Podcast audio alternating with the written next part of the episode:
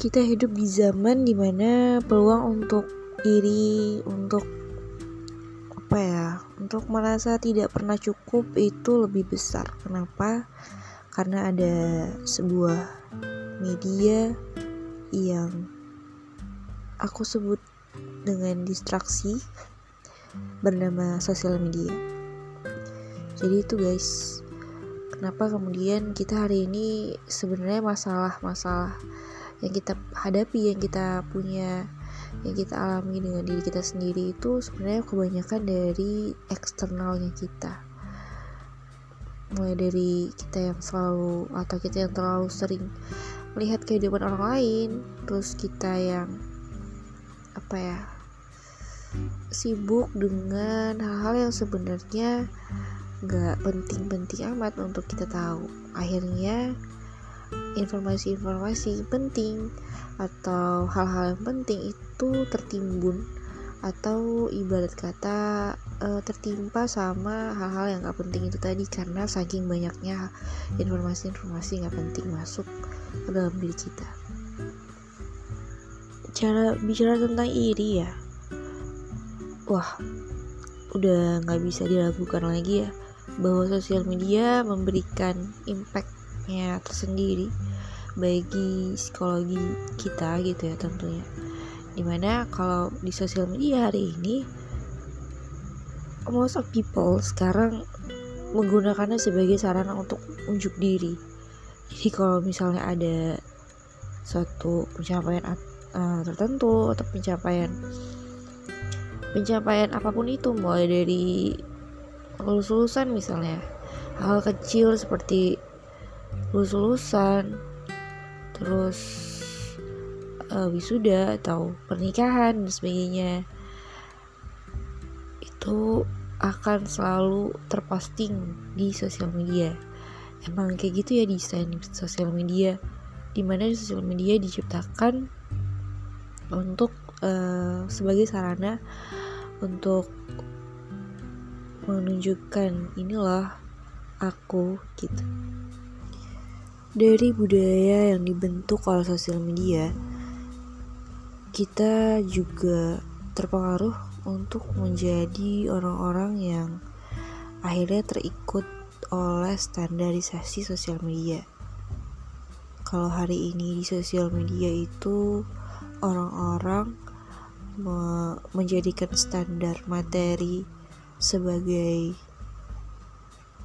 bentuk atau sebagai bukti bahwa seorang itu sudah berhasil, maka standar itu yang akan dipakai oleh banyak orang.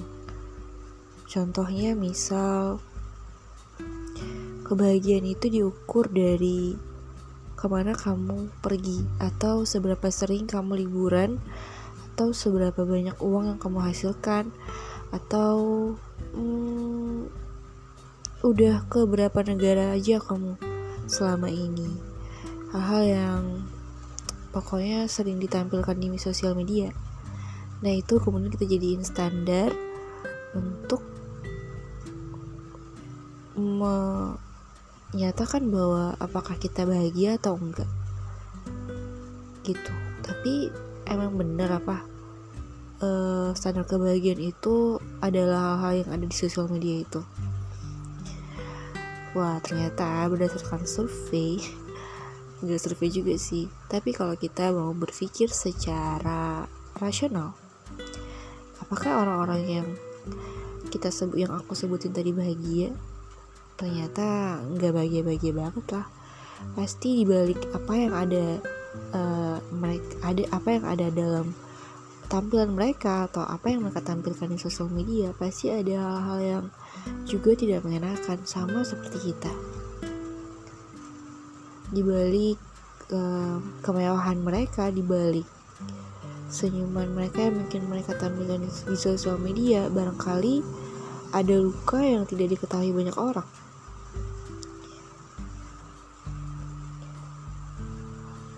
Gak salah kalau dalam Al-Quran Allah bilang bahwa dunia itu hanya kesenangan yang menipu, senda gurau, dan sementara. Gimana enggak? Kebayang gak sih? Kita hari ini misalnya kita udah lulus kuliah terus kita kerja.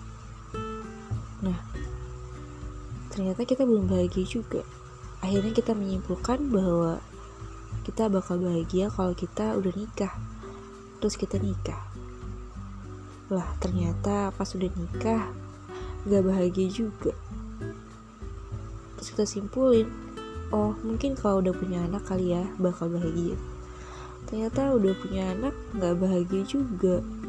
Soalnya makin lama makin anak besar kebutuhan makin banyak terus juga pendapatan makin berkurang dan sebagainya. Terus kebahagiaan itu di mana sih? Ternyata wah ternyata kebahagiaan cuman berasal dari sang maha pencipta. Seperti kata Allah dalam Al-Quran kalau kamu bersyukur maka akan aku tambah nikmatmu. Hal-hal sederhana kayak gitu sih menurut aku jika apa pun yang kita dapat hari ini kita bersyukur. Walaupun hari ini misalnya kita belum dapat kerjaan kita bersyukur aja. Toh rezeki udah Allah jamin. Atau mungkin ketika kita udah kerja terus kita belum dapat jodoh ya bersyukur aja. Mungkin kita belum siap mungkin kita perlu banyak mempersiapkan diri lagi. Karena kalau urusan jodoh kan bukan urusan main-main ya atau kalau hari ini kita sudah menikah terus kita belum punya anak ya barangkali memang Allah belum kasih kepercayaan aja buat kita. Sesimpel itu sih sebenarnya. Toh apa pun yang kita dapat adalah sebuah amanah yang gak bakal terlewatkan jawabannya jadi sebenarnya ketika Allah kasih amanah bukannya harus seneng tapi harus apa ya namanya harus wanti-wanti juga. Siapa tahu nanti aku bakal lalai sama amanah ini.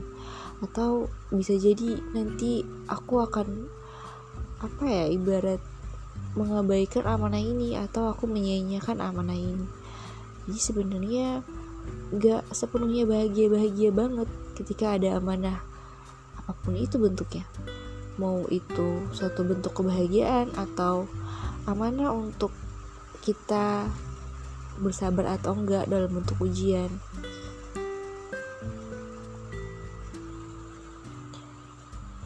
Dan itulah kebahagiaan sejati teman-teman. Kebahagiaan yang gak perlu muluk-muluk, yang gak perlu standarisasi yang berubah-berubah karena berasal dari manusia yang pemikirannya beda-beda. Cukuplah Allah sebagai satu-satunya sumber standar kebahagiaan kita. Kalau Allah ridho, kita bahagia. Kalau Allah nggak ridho, walaupun kita bahagia atau walaupun kita suka sama hal-hal itu, tapi kalau Allah nggak ridho, sama aja. Ujung-ujungnya pasti menderita juga, pasti sakit juga. So, teman-teman, jangan terlalu memandangi kehidupan orang lain Kenapa? Karena kita beda. Kita diciptainnya pada saat yang berbeda. Kita diciptain dalam keluarga yang berbeda, dengan pendidikan yang berbeda, dengan cara mendidik yang berbeda.